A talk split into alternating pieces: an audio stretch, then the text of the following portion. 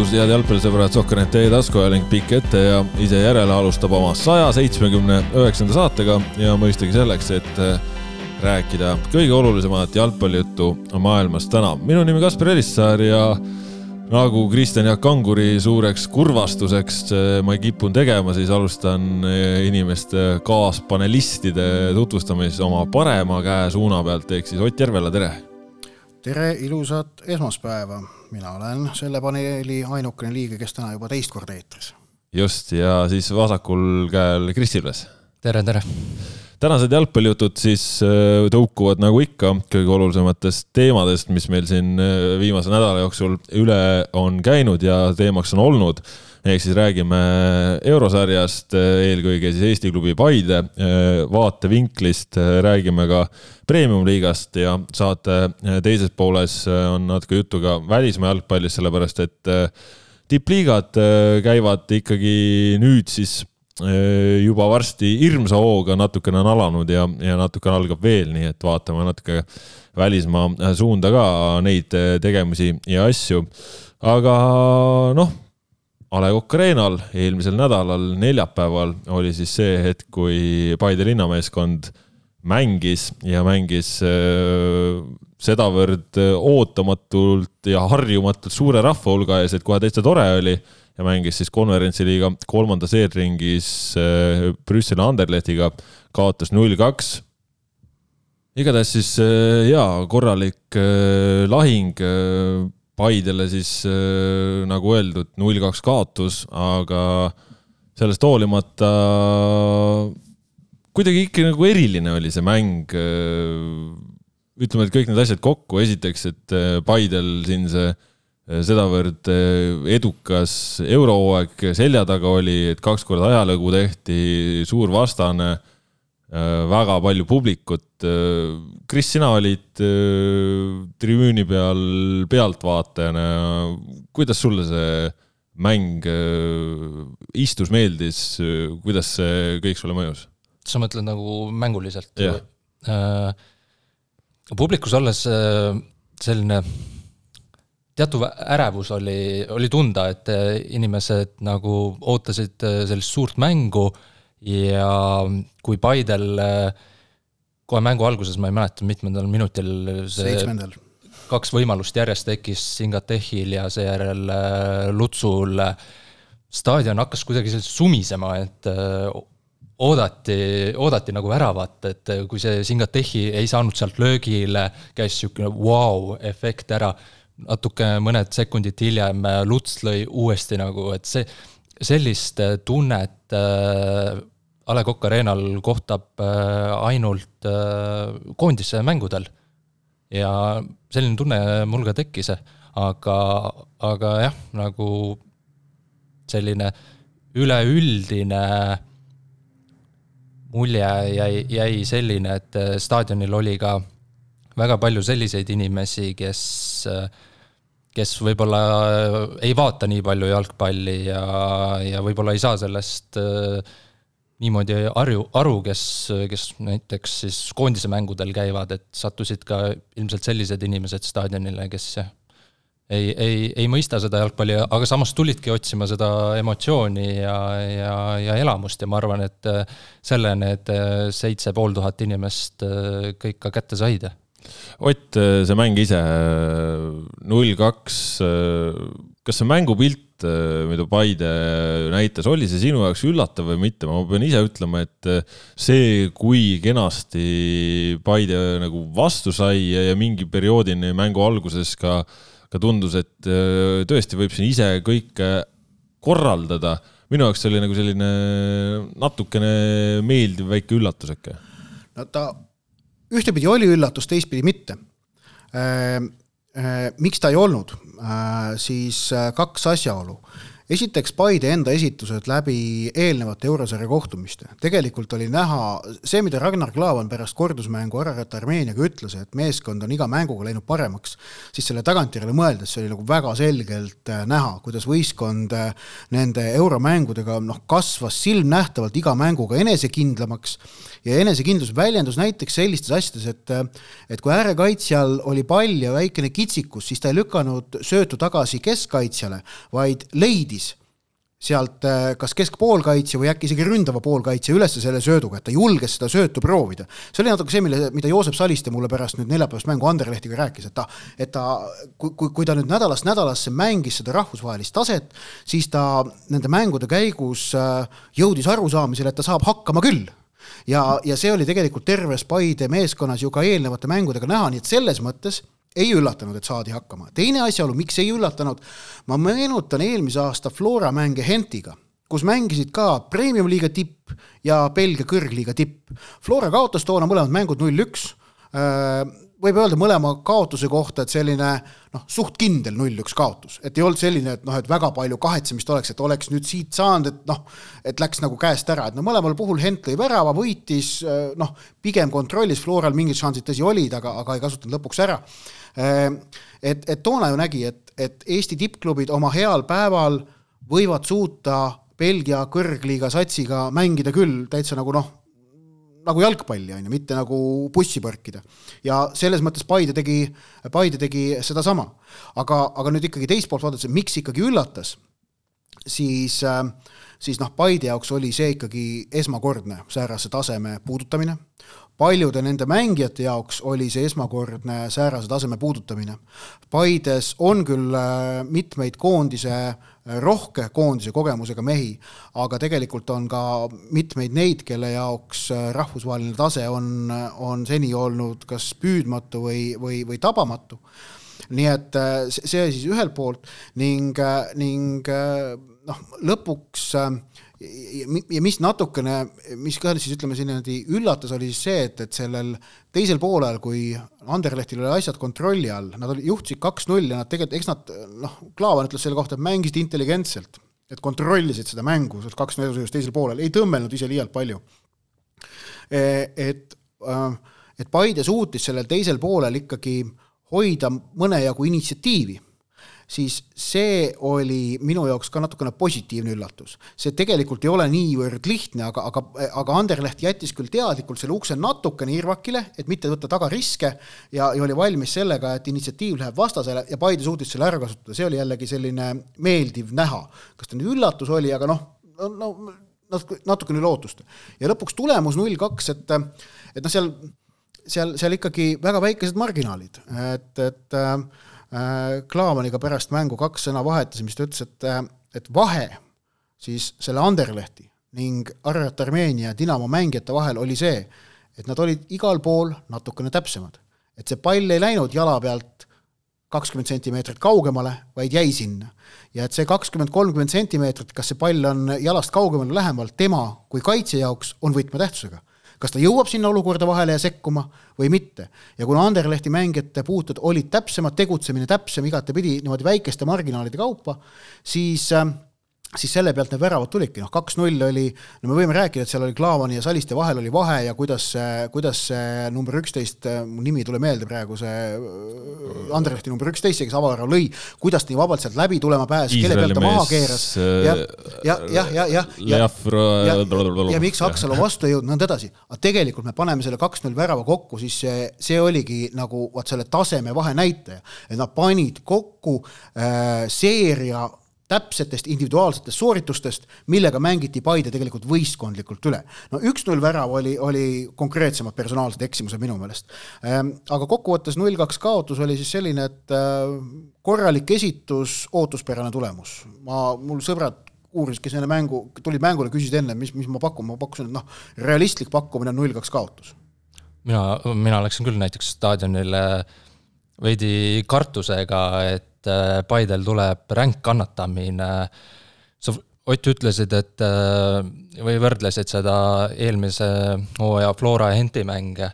ma, ma ise mõtlen küll, et see Paidet nagu otseselt niimoodi äh, eelmise hooaja Floraga ei võrdleks ja niimoodi Eestit ja Belgia liigat, ma, ma kartsin, et see vahe on, klassivahe on suurem, aga ma lohutasin ennast samas ka enne mängu, et mis, mis eelmistel puhkudel Paidel väga palju me ei ole rääkinud Paide euromängudest, et teistel meeskondadel ei ole hooaeg alanud või on, on alles äh, hooaja algus, ma lohutasin ennast sellega, et äkki, äkki see tõmbab seda klassivahet äh, natukene väiksemaks ja, ja võib-olla tõmbaski.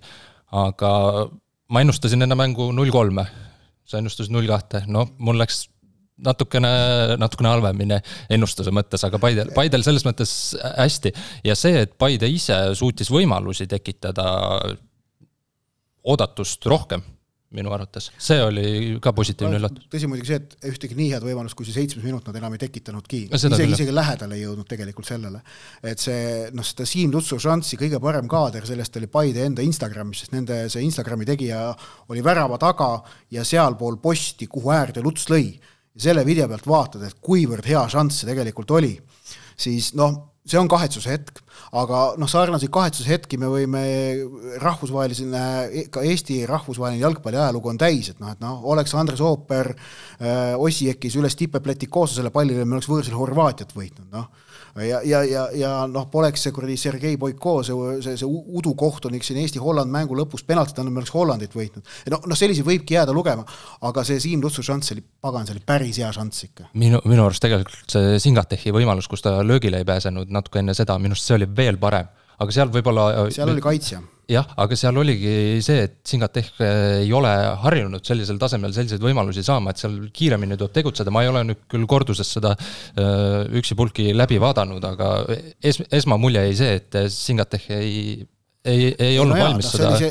eurokliinilisus, mida, mida Raku mainis pärast mängu intervjuus, et see oli Anderlehtil olemas, nemad oma need, Anderlehti mõlemad võimalused olid ju kehvem, kust väravad tulid, olid kehvemad kui Lutsu šanss või noh, võtame selle Paide seitsmenda minuti kokku. et, et, et aga nemad lõid enda omad ära, Paide ei löönud, see on see tasemevahe, see on see eurokliinilisus. aga, aga tegelikult noh, sportlikult ei olnud nagu midagi hullu, no tegelikult ka ei olnud äh,. ikkagi täiesti tubli esitus, see, et äh, peatreener Voolaid oli pärast mängu pettunud, seda see, seda oli sümpaatne näha, ta, ta ja, ja seal ei olnud nagu mingit poosi, see oli nagu siiralt näha, et ta oli, tal, ta tundis, et äh, kurat, šanss läks käest ära et noh, no ei olnud liiga keeruline peatreeneri peas panna kokku stsenaariumit, kuidas see mäng oleks võinud minna teisiti. tuleme tagasi selle seitsmenda minuti juurde, oleks Paide ise ette läinud, pagan sa tead, mis see mäng oleks olnud. ja, ja nüüd sellega, mis ütles Voolaid veel kordusmängu kohta, et kui me ise lööme esimese, siis võib kõike juhtuda. et noh, ma, ma, nii et see, et juhtuma hakkab, see on väga ebatõenäoline, aga võib küll siis jah, igast asju juhtuda, kui nad suudaksid ise esimese lüüa. Voolaid ju tegelikult oli ka mängueelsel pressikonverentsil meeldivalt äh, optimistlik. ta, ta ei öelnud, et me nüüd läheme võitma, aga nad tahavad võita ja, ja seda oli meeldiv vaadata, kuulata. ja no Karel oli ikka seal pressikonverentsil, paistis, et ta soovis natukene Eesti jalgpalliajakirjanikke isegi paika panna, kes äh, sealhulgas ka meie siin olime nädala alguses rääkinud, noh et äh, et, et noh, edasipääs oleks ime ja, ja mis me kõik olime öelnud, et, et ta nagu leidis teisiti ja noh, tagantjärele eh, tuleb ju tõdeda, et Paide peatreener hindas seda olukorda vägagi adekvaatselt, minu meelest, seda jõudude vahekorda. no, no mina, mina ütlesin enne seda paari algust, et noh, et Paide edasipääsu šanss viis protsenti et no ma pean, see kindlasti oli Paide alahindamine, nüüd ja, esimese mängu järel äh, öeldes Vi,. viis küll jah, esimese mängu järel, aga, aga noh, ütleme suures plaanis äh, Anderleht, noh, nagu sa ise mainisid, hoidis väga hästi, ohjas seda kõike, mis nad saavutasid, hästi targalt mängisid ja noh, samas jällegi teistpidi, et kui me vaatame kasvõi statistikasse, et Anderleht sai küll rohkem pealelööke, aga löögid raami oli vist ainult üks löök rohkem Anderlehtil kui Paidel on ju, et, et selles mõttes seda tõesti väga suurt ohtu, noh jah, muidugi esimese poole lõpus seal Anderlehti mees lõi värava eest mingi meetri pealt lõi, lõi ka üle, on ju, et noh, selliseid momendikesi löögi... oli ja mis, mis minu jaoks eh, tuligi välja, oligi, mis see nagu klassivahe, milles see seisnes, oligi see, et esiteks Paide mängijad, mitmel puhul ründavad mängijad eriti, said aru, et nendel ei ole aega või õigemini nad said sellest aru, et nendel ei ole aega siis, kui oli juba hilja, ehk kui nad olid palli kaotanud. ehk siis see liigutuste rütm ja kiirus, millega nad on harjunud muidu tavapäraselt, noh, seal oli ka, et võtan siit ette, nüüd tõmban ühele poole, et siis juba oli pall kadunud. et kaitsjad kuidagi suutsid natukene kiiremini kohaneda sellega, kuigi kaitsjatel oli ka seal näiteks Joosep Välistel mitu korda oli selline olukord, et kus ta hakkas nagu rahulikumalt tegema, aga siis ta sai aru, et tal see surve tuleb nii kiirelt, et siis ta pani nagu vunki juurde ja, ja suutis nagu oma positsiooni säilitada. aga just see olukordade lahendamine lõpuks, et, et noh, Paidil ju tegelikult noh, Singad ka, ka teisel poolel on ju, et ta on seal kastis, tal on see löögikoht olemas no ja siis läheb väravaile, on ju. et mm, -hmm. et sealt tuligi lõpuks see, see vahe, mida me näeme, et, et see Euroopa tipp, tippjalgpall oma kihtidega on tegelikult üha rohkem kokkutulemus aga siis on ikkagi need mingisugused väikesed nüansid, mis siis täpselt otsustavadki ja täpselt neid asju me nägimegi. see kakskümmend, kolmkümmend sentimeetrit, kas yeah. pall on siin või sealpool ja see, see, sellised asjad nagu noh, kas sa võtad söödu vastu niivõrd puhtalt selle kolmekümne meetrise söödu või võtad natukene väikese kriimukesega ja see määrab selle, kas kaitse jõuab vahele või mitte. no sellised jah, ja, ja, sellistele marginaalide peale tippjalgpall äh, käibki äh, mida rohkem suudame su,, suudab, suudab jalgpalli jälgija neid nüansse üles otsida enda jaoks ja näha selle mängu käigus, seda huvitavamaks ja põnevamaks ja kütkestavamaks tegelikult see jalgpalli etendus äh, muutub. et, et äh, soovitan kõigil proovida neid asju leida, mina, mina isiklikult alati jalgpalli vaadates proovin leida selliseid äh, noh, kummalisi nüansse, sageli tagantjärele tulebki välja, et neil ei olnud väga suurt tähtsust või ei olnud üldse mingit tähtsust, aga neid otsides siis mängu jälgimine muutub väga palju olemaks. üks Marko Sõelus ütles seda statistika, et äh, löögid raamidesse, siis meie tänane esimene saade, Udune Albion, seal äh, külaline Tannar Leitmaa hästi märkis, et eilses Man City West Ham mängus Man Cityl oli kaks lööki raami, Haaland lõi mõlemast värava, kaks-null võit, milles ei olnud mitte mingit kahtlust, see oli nagu tohutult ülekaalukas võit, kuigi lööki raami oligi ainult kaks. et noh, see statistika kaudu jalgpalli vaatamine on jätkuvalt neetult keeruline, neetult keeruline töö ja ongi jah, ja ei, palli valdamine, ei löögid, ei, ei aga, aga samas sa paned, paned sa tähele, et eh, tihtipeale just treenerid on ise need, kes seda statistikat esile toovad. Eh, eriti kui sa kipud neile nende arvates seda liiga tegema. et siis, siis, siis nad tulevad väga, väga kiirelt tulevad protsentidega, et äh, kuidas on, äh, palju oli üks asi, palju oli teine asi mm. -hmm. et see, see on nagu paradoksaalne, sellepärast et nemad peaksid ju kõige paremini teadma, et äh, noh, jalgpall võib-olla selles. jalgpall allub ikkagi võistkondlikest pallimängudest statistikale kõige halvemini. see on, see, see on ilmselge, võrdled kõik jäähoki, rugby, korvpall, võrkpall, käsipall, et noh, maahoki, isegi veepall, et, et jalgpall allub kõige kehvemini. sellepärast, et seda irratsionaalsust on kõige, kõige rohkem, kuna ühe skooriühiku tähtsus on kõige suurem. just. et, et noh, et me kui ka värav on kõige suurem, aga näed, jalgadega ehk inimesed ei oska midagi teha, noh. jah, jah, jah, jah aga, aga see oli siis selle mängu nagu sportlik pool, aga see, selle, see mäng oli selles mõttes ka ikkagi vägagi omapärane, et tal oli väga selgelt kaks sellist erinevat tahku. üks oli kõik see, mis oli seotud sportliku poolega ja teine kõik oli siis see, mis oli seotud äh, äh, sellega, mis toimus platsi kõrval. ja ma ei pea silmas ainult nüüd tribüüne, vaid ka tegelikult isegi natuke ja, ja seda, mis toimus mängu eel staadioni ümber, aga tegelikult see, mis toimus mängule eelnenud viie-kuue päeva jooksul eh, Eesti avalikus ruumis, kus Paide linnameeskond võttis sisse väga jõulise positsiooni. ja oluline on tõesti öelda avalikus ruumis, mitte jalgpalliruumis. jaa, just.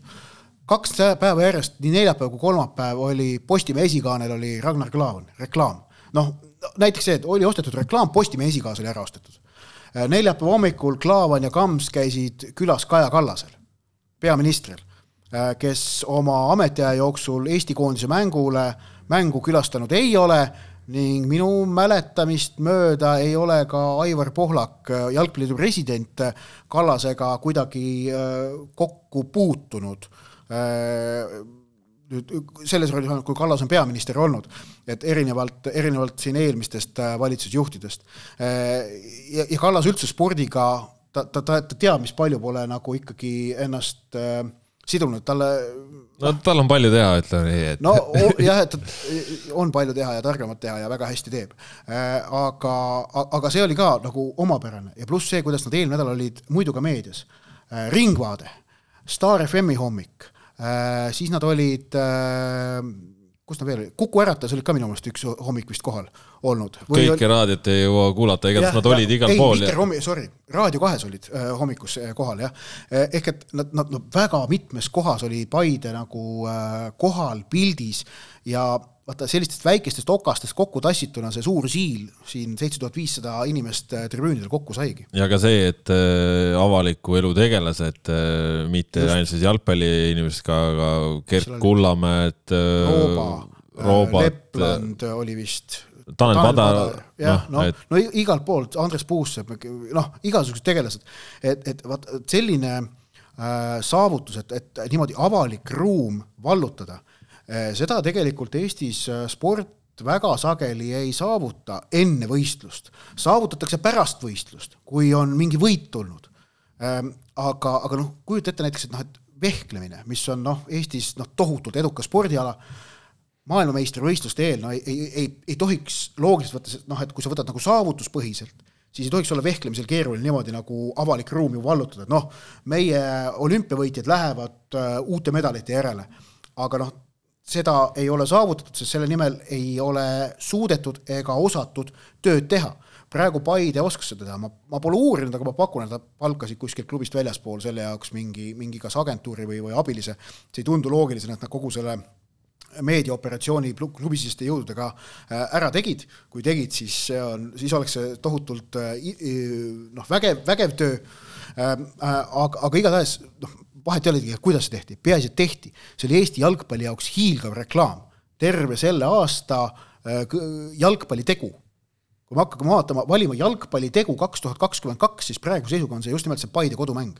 ja sellega nõus, üks äh, möödalaskmine ka kogu selle Paide suures kompotis, äh, see, et nad viisid Kaja Kallasele Ragnar Klavani särgi, kui nendel endal klubis mängib Rasmus Kallas, et see oli, see no ei oleks pidanud ju isegi, isegi nime trükkima hakkama, et nimi oli juba trükitud ja, ja oleks saanud vist, Rasmus Kallaskil tõsi, vist mängib äkki mingi numbri all kakskümmend kaheksa või midagi sellist natukene e, ebatraditsioonilist, aga no ega see Raku seitseteist või viisteist, ka, et oli Klaavad seitseteist Liverpooli särgid olid ka kõik siin ju A Le Coq Arena'l olemas, et neid oli seal näha ja et, et aga tõesti oli, oli näha ka muidugi seda ja tunnetada, et väga palju tuli inimesi, kes muidu jalgpalli vaatamas ei käi. et see publik siin Paide mängul erines selgelt äh, koondise mängu publikust äh, minu meelest ja, ja noh. no aga Kris, Kris ütles ka, on ju, tema ja, tribüüni pealt nähtuna. jah, et, et see on ainult hea, et sest et järelikult äh, toodi jalgpalli juurde uut inimest, uut inimest just aga see, et see nii suur number kokku saati. ikkagi üllatas. ja üllatas, aga tegelikult oli, oli ju ikkagi seotud sellega Paide enda tulemustega, et Paide oli siia kolmandasse ringi jõudnud ja lisaks ka ma arvan, et äh, see vastasklubi Anderleht, see nimi juba, juba see ka natukene meelditab, mitte, tõsi, mitte palju aga ma arvan, et kui siin oleks olnud koe, koe, jah, kups. kups, kups pole varianti ei no ma tõin suvalise näite, et äh, kui oleks siin äh, Soome klubi keegi vastas olnud, kas see oleks äh, toonud nii palju? ausalt öelda minu meelest siin kolmandas eelringis vist ei olnud väga vastastel vahet, et, et noh, vaata, see on see, kas sul on see mingi Premier League ja Bundesliga või ei ole ja, ja kõik see, mis sealt altpool on, noh, kas Belgia, Poola, Tšehhi, Kreeka, no suht üks hägu, üks suhteliselt sama hägu. ega, ega ütleme, et kokkuvõttes tuldi tegelikult ikkagi lõpuks Paidet, Paidet, vaatama Paidet ja, ja, ja, ja, ja, ja seda küll, sellega nõus. ja, ja, ja miks tuldi Paidet vaatama, ma isegi kuulsin sellist lugu, et üks inimene, kes oli tulnud staadionile, ta arvas, et äh, Paide mängib mingi Saksamaa klubiga, selgus, et oli hoopis Belgia klubi, ehk siis noh -hmm., see vastane, see tõesti, see, see ei huvitanud. aga miks tuleb Paide? noh, üks asi on see, et äh, Flora ja Levadia on selles äh, suures pildis olnud äh, pikalt, mõlemad. Kalju ka ikka. Jah, noh, aga ütleme, okei okay,, liidame Kalju ka juurde, et kõik need siis isegi kolm klubi seal on omamoodi niisugust vastuolulisust, seal on, ühele ei meeldi pohlakud, teisele ei meeldi mingisugused äh, väga sellised äh, jõulised vastandumised, äh, ka siis kolmandale mitte võib-olla. et, et seal on sellised ja noh, ühel klubil on veel mingisuguseid noh, probleeme on olnud, ühesõnaga, aga Paide on selline puhas rikkumata lehekene, kes ei ole olnud suurtes intriigides, ei ole suuri mingisuguseid tülisid, kisklemisi, nad ei ole mingisuguseid fopaasid äh, teinud, ehk siis nad mõjuvad värskelt, nad mõjuvad äh, äh, kui ütleme ka kuidagi sellist äh, südamlikult. jah, jah, kuidagi nagu äh, Äh, usaldust äratavalt äh, oli see sõna, mis, mis ma otsisin. ja, ja, ja see regionaalne see, printsiip ka väikene. just, just jah, et ongi, et, et ta ei ole ka nüüd Tallinn, et ta on kuskilt mingi väiksem koht, äh, liidab võib-olla ka inimesi, on ju, et noh, siin Paide mängul oli ju nendel reklaamtahvlitel elektroonilistel regionaalsest rääkides oli Hiiumaa restorani Kalanääre reklaam jooksis, et noh, ju siis kuidagi klapib kokku, on ju. no see asi käis ilmselt nii, et noh, et ilmselt väikene toetus selle eest, on ju, aga, see oli noh, ma eeldan, selle äri jaoks oli see nagu selline rohkem nagu selline põhimõtte asi, et, et taha, see on nii äge asi, et tahaks olla seotud, ega see, ega see raha, mis nad sinna panid, ei tule neile ju käibena tagasi, isegi yeah. nüüd, kui sa tegid siin podcast'is, mis oli see kalanäär või, säär või? ma olen isegi seal kunagi lesta söönud, väga hea. Kalanäär on eh, selle nime all väga uus koht, äkki okay. mingi teistsugune. selle tirbu, Sääre tirbu juures oli kunagi mingi restoran, kus ma sõin leste, see ei ole see on, sama koht või? Sääre tirbu juures on leste lammas. aa, no vot, noh okay.. mul hakkas kõht korisema sööge lesta, lest on maitsev kala äh,. aga, aga jah, et e, ega see ilmselt see raha, mille nad seal, mis nad selle reklaami eest maksid, ei tule neile ju tagasi, aga see tekitas heaolutunnet, ma usun, nii selles ettevõttes, restoranis, et noh, no teeme head, äh, tekitas hea tunde Paides, nüüd näe, me siin Minus podcastis ka. räägime, sinus ka, no hiidlasena on ju, et, et, et, et, et vot selliste asjade, vaat ongi kogu see Paide euroteekond on tekitanud väga palju sellist heaolutunnet, heaolutunne natuke, head tunnet ja rõõmu. Ja see on väga tähtis. ja üks asi, mis ma hakkasin veel mõtlema, mida see Paide on praegu selle oma eurohooajaga teinud ja mis on tähtis Eesti jalgpalli vaatevinklist, on see, et nad tegelikult on nüüd ikkagi enda lähenemisega klubi ehitusele mis selgelt ikkagi eristub muudest, mida Eestis kasutatakse, äh, on läbi löönud. ehk et on tõestanud, et veel ühtemoodi on võimalik kunagi tõestas Levadia, et nende moodi on võimalik, noh, neil viimased äh, aastad pole see enam absoluutselt õnnestunud. mingil hetkel tõestas Kalju, et nende moodi on võimalik, viimased kolm-neli, kolm aastat, eelmised kolm aastat tõestas Flora, et niimoodi, nagu nemad teevad, on võimalik. ja Paide tegi nüüd neljandat moodi ja tegi, oli ka Euroopas edukas. et, et, et see, et meil on need erinevad viisid olnud, see on äh, väga tähtis. Äh, see, see julgustab otsima seda oma teed ja, ja näitab äh, väga selgelt, et ei ole mm, vaja ainult ühtemoodi äh, tippu püüda, vaid jalgpalli sees on võimalik tippu püüda erinevat moodi ja sinna ka pärale jõuda. ja, ja tegemist on, no ma siis ütlen veel, et Paide eurohooaeg noh, on, ikkagi praegu nüüd noh, kuidas, kuidas no, no edukuselt, äh, kui Flo-, Flora omad, Flora kaks eelmist olid, on ju noh, ilmselt tuleb öelda, et edukamad, kuigi see kaks tuhat kakskümmend Flora isegi noh, see kannatab võrdlust, tõsi, Flora jõudis play-off'i, äh, aga, aga see Kalju kaks tuhat kuusteist oli viimane, mis, mis siis Florast väljaspool oli sama edukas kui see, mis Paide tänavu tegi ja see Paide lähenemine, et kuidas nad võtavad äh, noori mängijaid Aafrikast, äh, mängitavad neid, siis teevad nad rahaks, seda on Eesti jalgpalliringkonnas fännide poolt üldse teiste klubide poolt, mulle tundub, et seda on nagu aktsepteeritud ja kui ma toon suvalise näite korvpallist, kus äh, võib-olla inimesed ei taha minna saali BC Kalev Cramot vaatama, kuna Eesti poisid võib-olla ei saa seal nii palju võimalust, siis, siis äh, näiteks see ei olnud ju praegu praegu takistuseks, inimesed tulid ikkagi staadionile, kuigi ma eeldan, et päris paljud teadsid, et, et mängivad ka välismaalased no et... mis, mis Paide puhul on ju see, et okei okay,, et seal on välismaalased, aga seal samamoodi, et on liidetud sinna juurde see Eesti koondise kogemus ja on liidetud Eesti noorte talent ja uljus, noh, et kui sul Sten Jakob Viidas teeb klubi eest debüüdi seitsme tuhande poolesaja äh, pealtvaataja ees. Georg Palumets tuleb sisse ja jagab rahulikult äh, kolmekümne meetriseid passe. noh et Rovi, Rovi Saarma mängis samamoodi, on ju, et, äh, et seal, seal on selline see hea kompott ja ilmselt see ongi äh, kogu selle Paide taga. Ja noh, see, et nad on ise hästi avatud suhtlejad, nad ei, nad nagu ei mõkerda oma mingite asjadega, et äh, nendega ütleme, et kui mingi midagi on, siis nad räägivad nagu on ja, ja, ja ütleme, et see olema, on selline ausalt. avameelsus ilmselt on ka nendest maalinud sellise siire ja, ja, ja hea pildi. oleme ausad, kui Jaanus Pruuli seal siis viis päeva enne mängu välja ütles, et nad äh, Nad loodavad äh, teha lahti ülemise tasandi, et alumine on seitse tuhat, et see ära täita, teha ülemine tasand lahti ja, ja äkki ettevaatlikult kombata viiekohalist numbrit, siis noh, ähm, ega, ega me siin omavahel rääkides ka mõtlesime, mida nad ajavad, et noh, hea, kui neli-viis tuhat tuleb. no tegelikult nad panid ikka, nad panid vägagi täppi. et äh, noh, täiesti noh, selge see, et okei okay,, viiekohaline muidugi see oli, see oli unistus ja sealt jäi puudu, aga, aga noh, see ei ole nüüd mingitki pidi, et, et ambitsioonid peavadki seal olema, et, et tegelikult oli väga hästi sõnastatud ambitsioon ja väga hästi täidetud plaan. jah, kuigi isegi ju paar hetke, paar päeva näiteks varem oli ka veel seda kõhklust-kahtlust, et kas ikka on see kõik võimalik ja tuleb äkki vähem, aga see äh, viimaste päevade nagu see lumepall. hakkas veerema väga kiirelt, väga kiirelt ja, ja muidugi Eesti ilm aitas ka kaasa, et ilm oli, oli väga hea, väga mõnus ja, ja ilmselt ka see tõi siin ka viimase hetke otsustajaid, kes. mängu algusaeg ka Äh, ja, ja kusjuures seal mängivad väga väikesed asjad jällegi, väikesed marginaalid, tuleme tagasi sinna juurde. üheksateist nelikümmend viis. kui, kui inimesel lõpeb kell viis tööpäev, äh, siis ta noh, eeldusel, et noh, et koju sõit võtab mingi pool tundi või koju jõudmine, jõuab käia kodus, isegi kiire eine teha ja siis, kui staadionile on veel mingi poole tunni tee, sa jõuad enne seitset Äh, staadionile, circa tund enne mängu jõuad staadionile äkki isegi.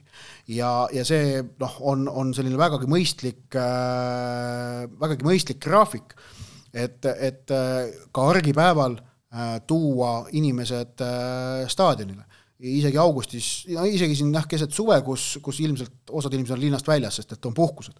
et, et, et nüüd siin noh, näitab seda, et kuivõrd keeruline on, on minu meelest või noh, mitte kuivõrd keeruline, aga et, et, et kui näiteks mäng oleks üheksateist null null, siis seda kirjeldatud stsenaariumit oleks keeruline, hoopis keerulisem teostada. ja, ja noh, et miks meil koondise publiku numbrid, okei okay,, noh, koroona oli ka siin mõjutaja, aga aga miks nad ei ole teab mis kõrged olnud, et, et noh, mängu algusaeg on ikka tohutult oluline, just see kellaaeg on tohutult oluline.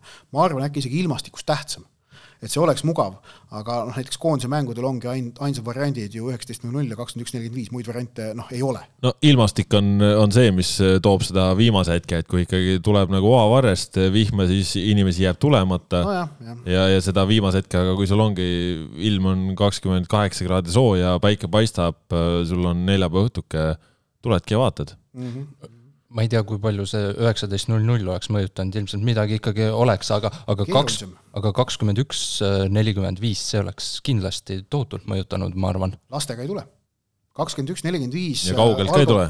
algavat mängu, noh, väljaspoolt Tallinna vaatama tulla on väga keeruline, aga, aga ka ütleme, kui sul seltskonnas on laps, kes on noh, alla kümne aasta, no siis temaga sa pigem ikkagi ei tule kakskümmend üks, nelikümmend viis mängule, sa jõuad koju peale südaööd ja ja üldiselt lööb see lapsel režiimi sassi, noh, noh, okei okay,, kui on mingi no ma ei tea, Eesti-Iirimaa play-off, noh siis selle jaoks ei ole probleem, siis jah. lüüakse režiim sassi. aga, aga, aga noh, et, et see peab olema väga suur sündmus, et, et noh, see, see on tohutult tähtis on selliste asjade puhul. ja noh, ma ütlen, et Paide sai selle kogu kompoti seekord nagu väga hästi toimima kõik küljed aitasid kaasa.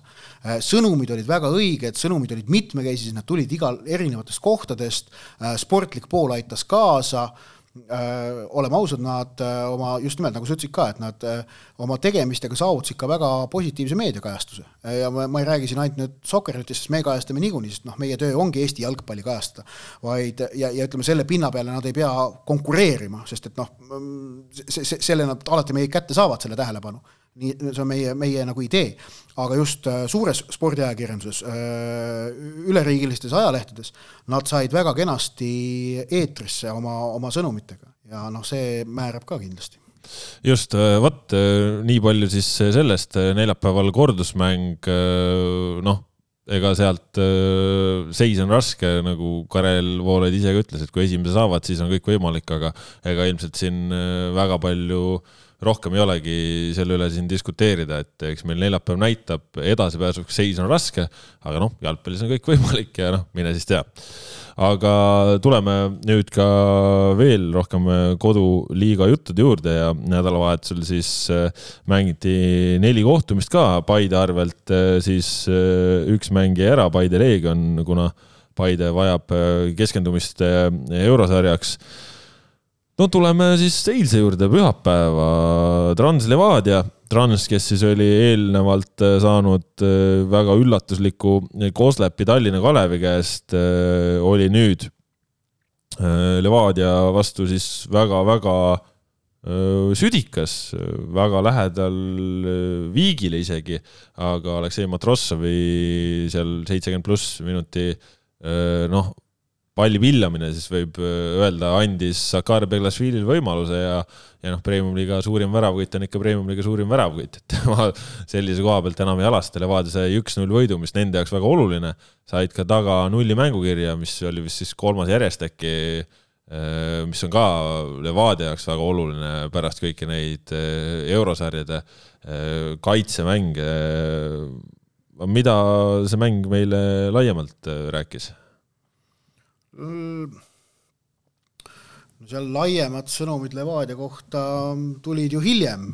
Äh, saime täna teada, et Liliu ja Marko Putinšanin on, on, kus nad on siis, no ütleme, mängivast koosseisust kõrvale jäetud jah, et aega. jah, selles mõttes, et Levadia on jah, siin ju ennast nüüd täiendanud ja uued mehed, Dilma Vretits oli põhis ja, ja oli mängu üks säravamaid mängijaid Äh, Paurama Fomba mängis ka ja oli tegelikult ju välismaalase kohtasid vaba veel koosseisus. ja üks, üks koht oli täitmata, sest Agiri oli vigastusega eemal ja e, aga Liliut ja Putinšaninit polnud üldse koosseisuski, et noh, laiemalt ikkagi noh, Levadia kohta jah, kuna nüüd see ta tuli, tuli nüüd hiljem välja, et mis põhjustel puudusid Liliu ja Putinšanin, siis Levadia kohta räägib see meile seda, et võistkond on ikkagi hooaja teiseks pooleks hakatud, ikkagi tahetakse muuta, ja osad välismaalased paistab, et on tunnistatud äh, noh, standarditele mittevastavateks, on siis vist, vist asjakohane öelda või?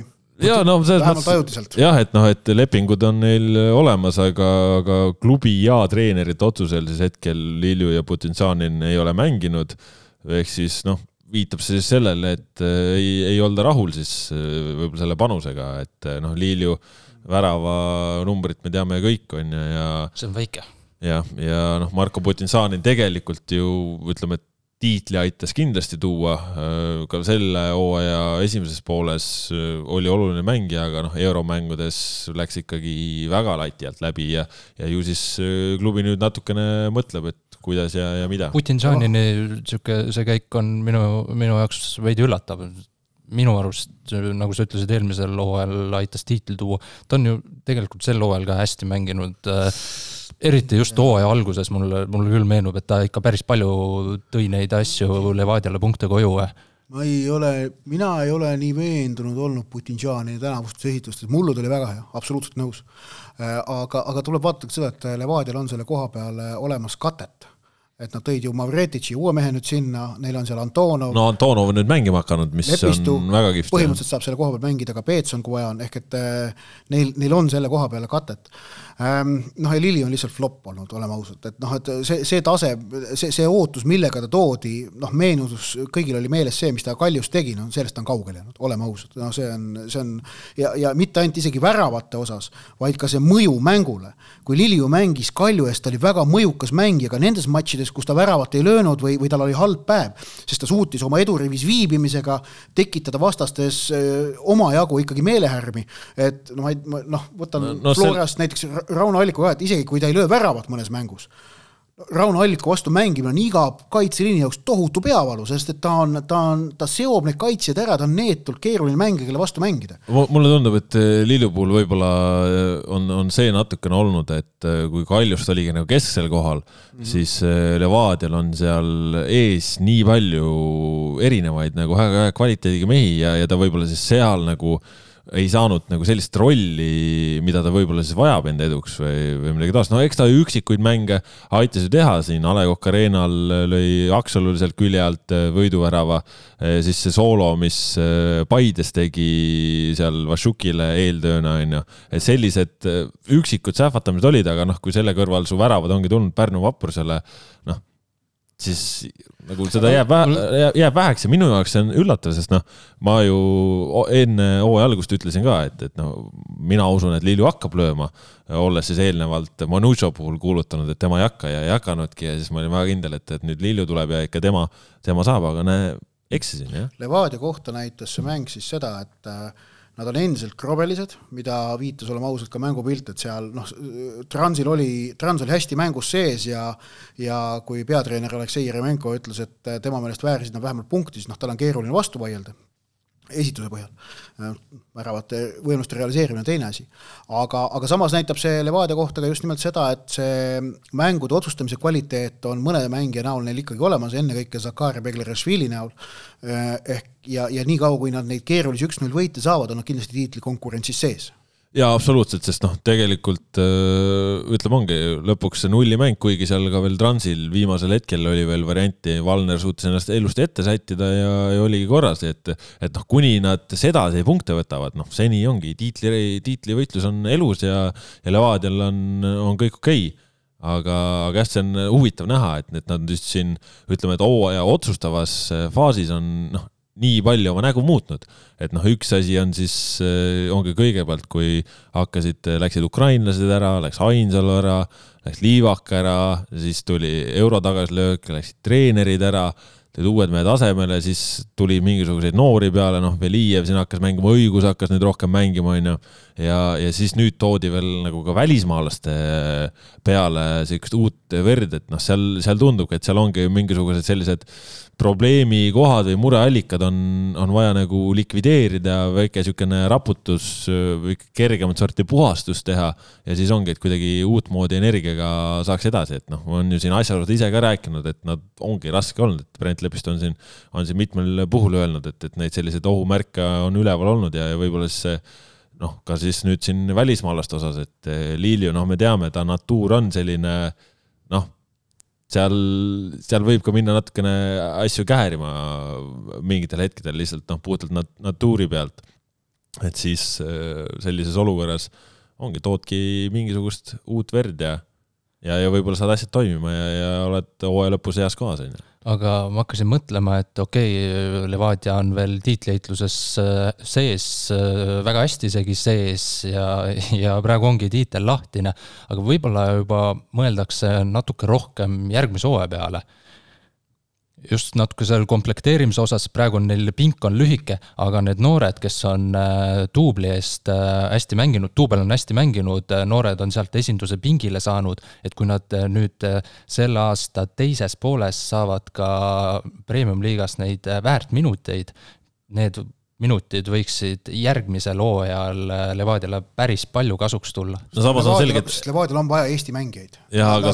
välismaalaste täitmine on üks asi, et noh, täidad viis välismaalast ära, aga sul on vaja Eesti mängijaid. no samas on selge, et ega seal avanssi kellelegi andma ei hakata, sellepärast et noh, kuni tiitlivõitlus on selline nagu on, aga, aga noh, tundub, et Stoikovit selles mõttes vähemalt äh, on natuke võib-olla julgem vahetaja ehk siis äh, teeb võib-olla kergemakäeliselt äh, mingisuguseid muudatusi.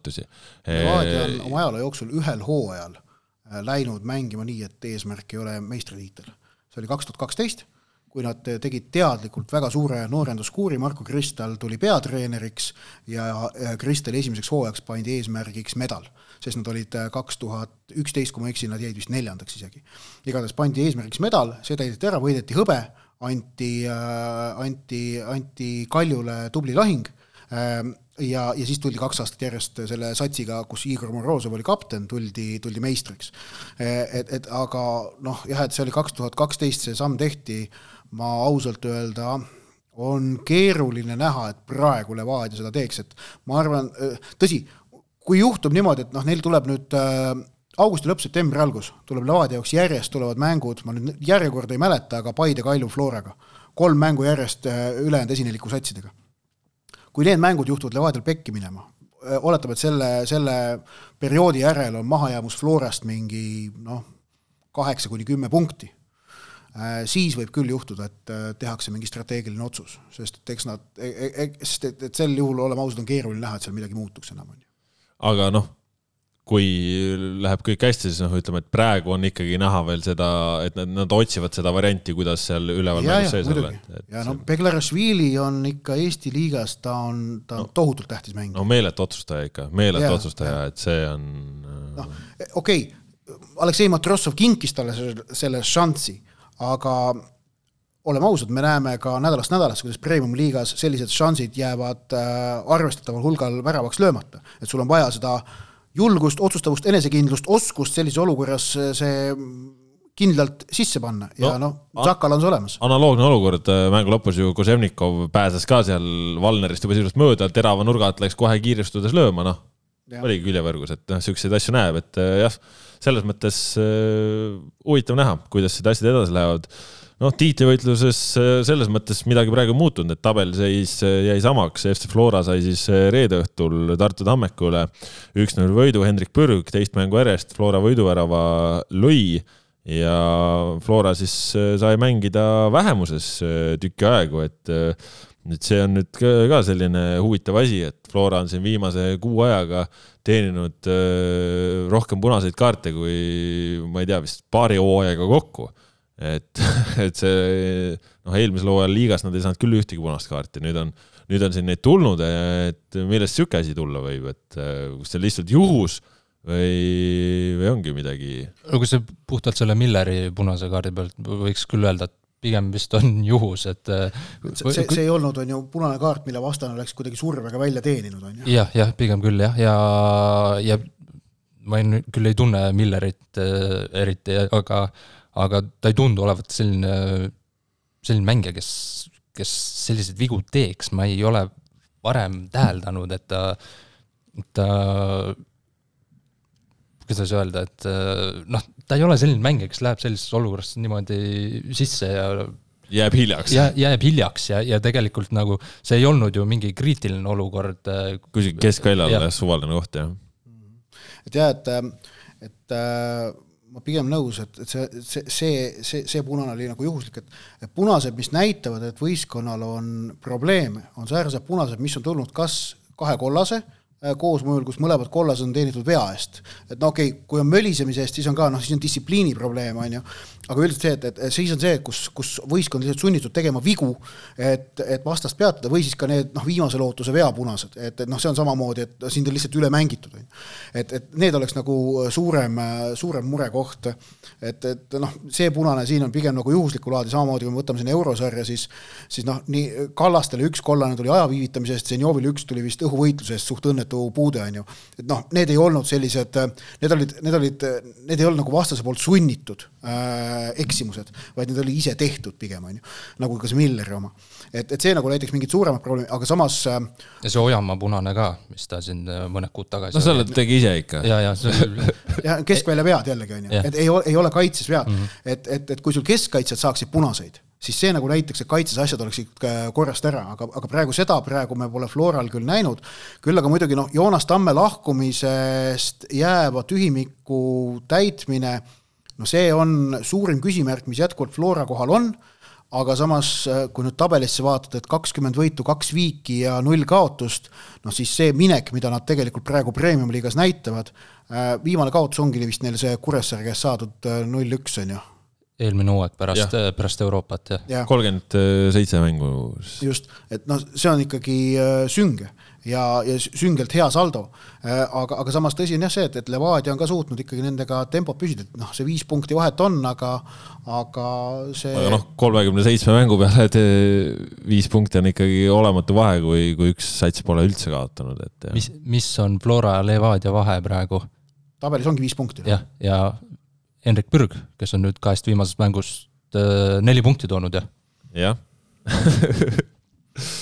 et äh, igatahes äh, selles mõttes äh, huvitav jah, et äh, meeldiv on see, et seda, seda pinget püsib. ja, ja see muidugi ka, et just, et nüüd on leitud pürgiga need otsustavad väravad üles, et, et tugeva võistkonna märk on ka see, et sa leiad väravaid üle terve võistkonna.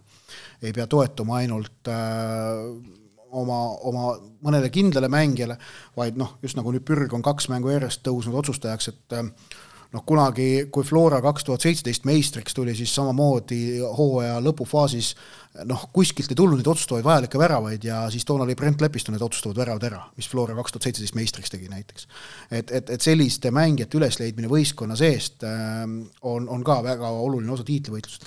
et, et, et noh, tegelikult nii Levadia kui Flora puhul me nägime praegu möödunud nädalavahetusel natukene sarnast, isegi vägagi sarnast stsenaariumit, et see, see tati ja tahtejõuga, nagu Zelinski kunagi ütles, et see säärane võit tegelikult saadi ja sellega hoid-, säilitati positsiooni.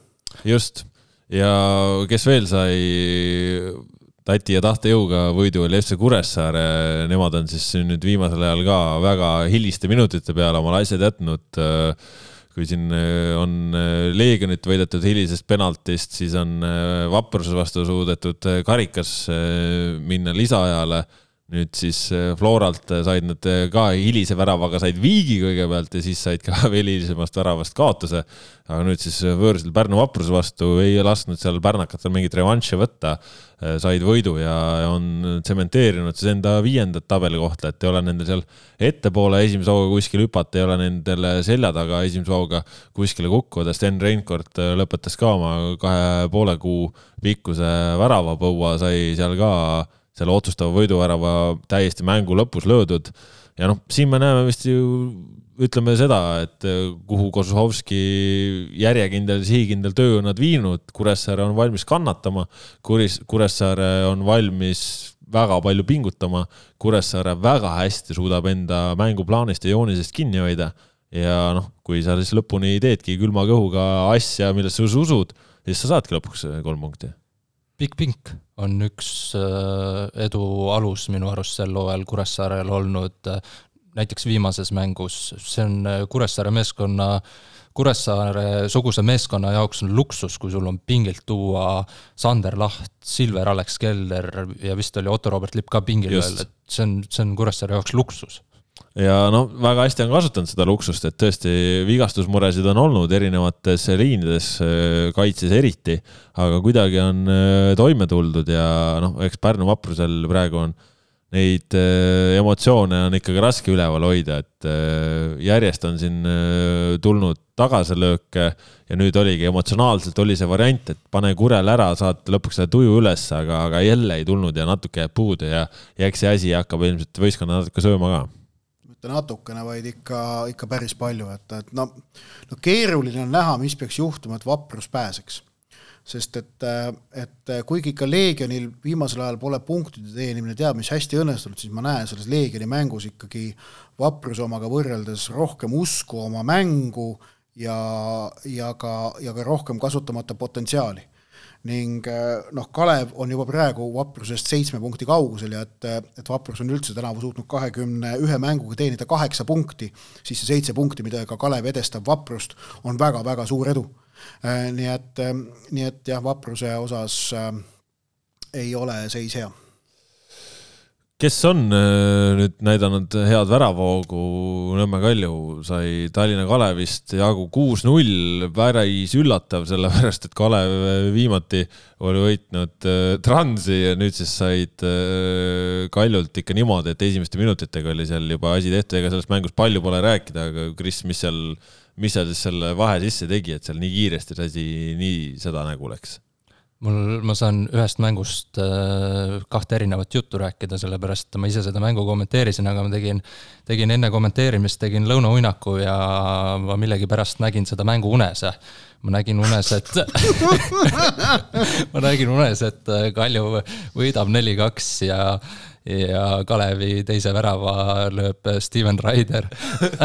Nii, niimoodi ei juhtunud. Kuule, see on nii hea jutt, et ma panen sulle siia tausta ka selle jutu peale mis sa küsisid mis selle mängu ära otsustas siis? kiired väravad kiired väravad, eks, eks, eks see oli üks põhjus, aga, aga tegelikult pärast mängu Daniel Meier ütles väga hästi, et võidupohmell oli, oli Tallinna Kalevil, sest eelmises mängus ju pandi Narva Transile viis-kaks paika või viis-kaks võideti jah, ja ja no ilmselt mõnes mõttes selline mugavustsoon või, või äkki mõtlesid, et hakkabki nii kergelt tulema ja äkki, äkki näpistavad kuidagi ka Kaljut ka, aga toodi, toodi kohe maa peale tagasi? Kalju seis on tegelikult jätkuvalt ju hea ja vaadake tabelisse, aga siis nüüd Kalju äh, Kaljut ootab sarnaselt äh, siin ka noh, noh kõiki tippklubisid ootab see periood, aga Kalju järgmised vastased, okei okay,, selle nädala lõpus mängitakse Leegioniga, aga siis järgmine pärast seda Leegioni mängu on karikamäng Levadiaga esmalt karikamäng Levadiaga, mis nagu öeldud, noh, Kalju jaoks tohutult tähtis. ja siis tulevad järjest, okei okay,, esmalt küll Tammeka, aga siis Levadia, Flora, Paide, Kuressaare, järjest äh, ülejäänud esiviisiku meeskonnad.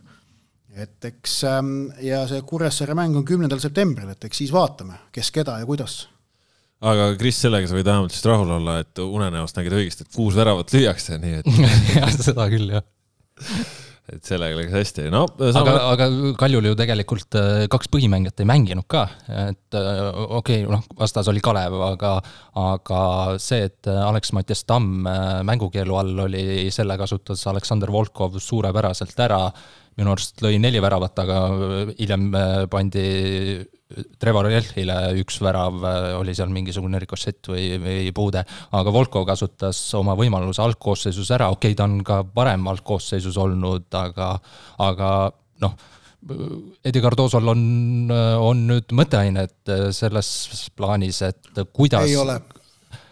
no Tamme, Tamme on äärel ka kasutatud Tähendab, viimasel ajal mõne, mõndades mängudes. No ütleme nii, et aga kui sul on, kui sul on pigem on küsimus see, et kuidas sa Volkovile ka platsile selle ja. ruumi leiad juurde, on ju, et et sul, ja sul on äärtel, äärtel on olemas Maarini, Pauri ja Kuusjevi näol niikuinii kolm head varianti. et, et noh, seal on ikkagi, ma, ma arvan, et Volkovi rolliks ka jätkuvalt jääb vahetusründaja roll, et see nagu, see ei ole üldse paha äh, koht, kus tema omadused esile tulevad äh,. ja, ja noh, Tamme ikkagi tähtsus Kalju jaoks on tohutu, vaprus ei ole see mõõdupuu, oleme ausad, et mõõdupuud on mujal.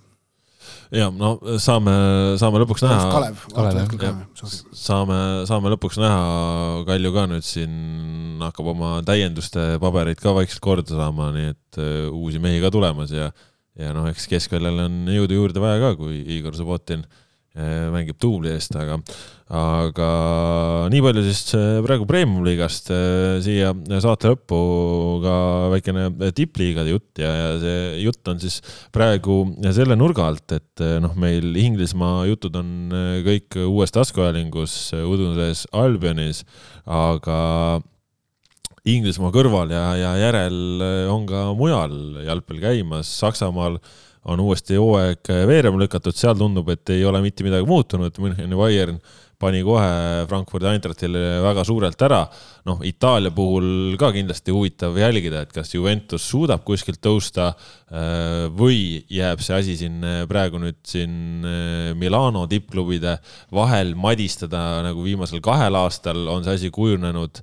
küsin, kes on Serie A suurim staar praegu? Vot see mees, kes ongi tegelikult väga potentsiaalikas, äh, äh, ka nimi, äh, AS Rooma peatreener Jose Mourinho, kes on siis praegu Roomat ka täiendanud väga põnevate vendadega. et sinna on tulnud nüüd väga huvitavat kvaliteeti, et Mourinho kindlasti tahab ka püünele astuda. jah, aga aga et äh, vaata, see tippliigade konkurents on ikka väga armutu konkurents, sest et äh, tegemist on tähelepanumajandusega, nad, nad, ei, ei ole inimesel reaalselt ju võimalik kõiki neid tippliigasid korraga jälgida, sest et äh, nädalavahetusel on teatud arv tunde ning, ning muud asjad tahavad samuti tegemist ja, ja et oma koduturul saab igaüks nende tundide pärast võidus kindel olla. Äh, ja teatud pühendunud mingitel väga-väga lojaalsete seltskondade äh, seas ka, aga võitlus käib ju selle pühapäeva vaataja. äh, nimel. see, kes klõpsib telekapulti või siis, või siis, või siis neid voogedastusi ja otsib sealt, et mida ma täna vaatan. ning, ning selleks, et seal nagu silma paista, sul vaata sportlikust tasemest ei piisa, sul peab olema bränd mis, mis, mis nagu tõmbab ja sööb isiklikult. ja vot see reaal minu meelest praegu see suur probleem on ikkagi see, et just nimelt, kui sa ütled, ma küsisin teadlikult, jah, ongi, Jose Murillo on praegu Serie A suurim staar. Ja see ei ole hea olukord, kus sul suurim staar on treener, mitte mõni mängija. no Zlatan arvan... Ibrahimovic vaidleb vastu sellele, aga noh, ta on Zlatan, ta vaidleb kõigile vastu. ta on märtsikuuni vigastatud või mis ta, kaua ta pani oma seda põlve, põlve ravib. ja, ja samas on nagu huvitav näha, kuidas nagu Saksamaa proovib sellest välja tulla, ma üllatuslikult tuvastasin, ma panin, mis mäng see oli, kellega, keda Köln kolm-üks võitis, Schalket vist Ja. selle kohtumise lõppu äh, vaatasin ja jäi mul seal Viaplay's ta mängima äh, ning siis tulevad intervjuud mängujärgsed intervjuud, mis tulid sinna siis rahvusvahelisse telepilti, on ju, mis on ka selles mõttes natuke omapärane, et näiteks Premier League'i ülekannete puhul me seda ei saa, minu meelest meistrite liiga puhul ka ei saa, aga Bundesliga puhul sai. Need intervjuud olid inglise keeles. Saksamaa Bundesliga teeb spetsiaalselt rahvusvahelise publiku nimel mängu järel väljaku peal intervjuusid mängijatega inglise keeles ja Äh, tasub meeles pidada, et ega sakslased ei erine siin hispaanlastest, prantslastest või itaallastest. Ega, ega neile ei meeldi inglise keelt rääkida, oleme ausad. kuigi nad räägivad seda päris hästi. Äh, no okei okay,, jah, paremini kui need kolm Lõuna-Euroopa riiki, aga, aga ega neile ei meeldi see, et inglise keel on maailmakeel. Nad on ise niivõrd suur rahvas, oma kultuuri üle, niivõrd uhked, et see ei ole nende jaoks lihtne asi või mööndus, mida teha, aga ometi on nad seda teinud ja noh, kuna sakslaslik äh, täpsus on see, et kui see on kokku lepitud, seda tehakse, siis võib kindel olla, et see toimib ludinal ilma igasuguste murede ja probleemideta, sellepärast et nii on kokku lepitud, niimoodi näeb reeglistik ette ja siis seda ka tehakse. ehk et, ehk et niimoodi proovib näiteks Saksamaa äh, tekitada isiklikumat sidet. Saksamaal teatavasti raha on kõigest viiest suurliigast üldiselt kõige vähem, sellepärast et nad on teadlikult selle valiku teinud, et neil ei ole eraomanduses klubisid. Ähm, aga, aga, aga sääraste lüketega Saksamaa on alati paistnud silma ju sellega, et selles konkurentsis nad on kõige nutikamad. Nad on kõige, isegi võiks mõnes mõttes öelda innovaatilisemad, et nad proovivad nüüd niimoodi ja see see, ma arvan, võib olla päris hea käik.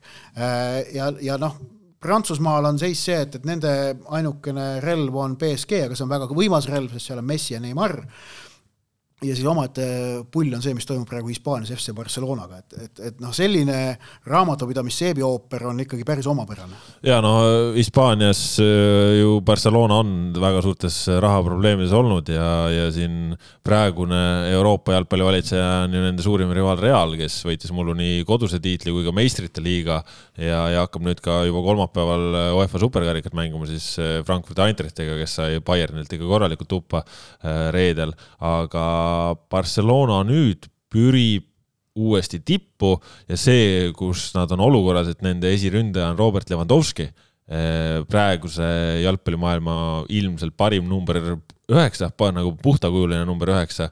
Eh, ma arvan, et on praegu veel Haalandist ees ja, ja Mbappe võib-olla pigem ei ole nagu traditsiooniline number üheksa. et siis eh, see, mis Barcelonas toimub, no on omapärane kuulasin seda juttu, Kasper rääkis äh, parimatest number üheksatest, aga Karim Benzemaad ei, ei nimetanudki no,.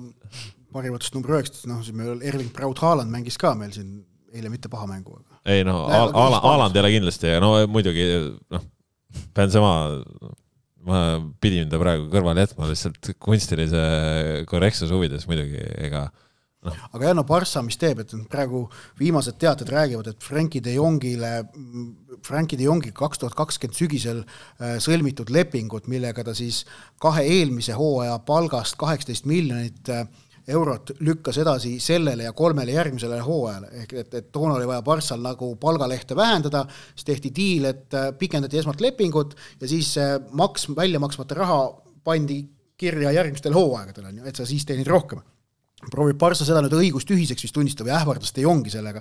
et, et noh, nad tahavad De Jongist teatavasti lahti saada, neil pole siiamaani registreeritud neid suviseid mängijaid. ehk et kui praegu, täna tuleks La Liga esimene mäng, siis nad ei saaks neid uusi seitset uut mängijat kasutada, kes neil on tulnud suvel. viis uut ja need kahe, kellega uus leping tehti, Dembele ja, kes see teine oli.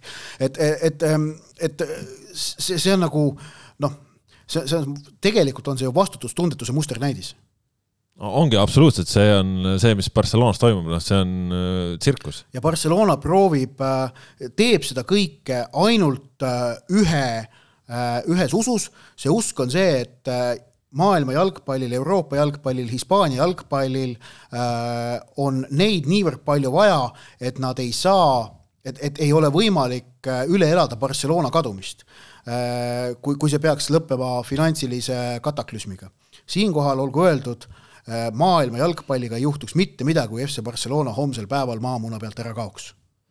jah, ma arvan, see on väikene pauk oleks aga sellest taastutakse ülimalt ruttu. maailma jalgpall on täis, ajalugu on täis näiteid sellest, kuidas suured on kukkunud ja nende asemel tekivad uued. jah, tahtsingi öelda, et meenus kohe Juventus, kes käis aste madalamal ära ja, ja ei, no, juht, ei, ju, ei juhtunud mitte midagi maailma jalgpallis. vaata, kus Nottingham oli nüüd, nüüd siis tagasi tipus on ju, endine suur klubi. aga jah, selles mõttes on huvitav olukord ja, ja kes tahab äh, põhjalikumalt veel välisliigade kohta lugeda, siis äh, Soccernetis kõikide äh, tippliigade kohta hooaja eelvaated ka, kas on juba ilmunud või, või ilmuvad veel nii et äh, püsige lihtsalt lainel ja, ja huvitav on siis jälgida, milliseks Euroopa jalgpallikisma äh, sel äh, aastal kujuneb, sest noh, mm on ka siin vahel, mis seda kõike muudab, mõjutab ja ilmselt ka vormib aga sellised jalgpallijutud täna, pikk ette ise järele saja seitsmekümne üheksandas saates, saate tõid teieni Kaspar Elisser, Ott Järvela, Kris Ilves, aitäh, et olite meiega.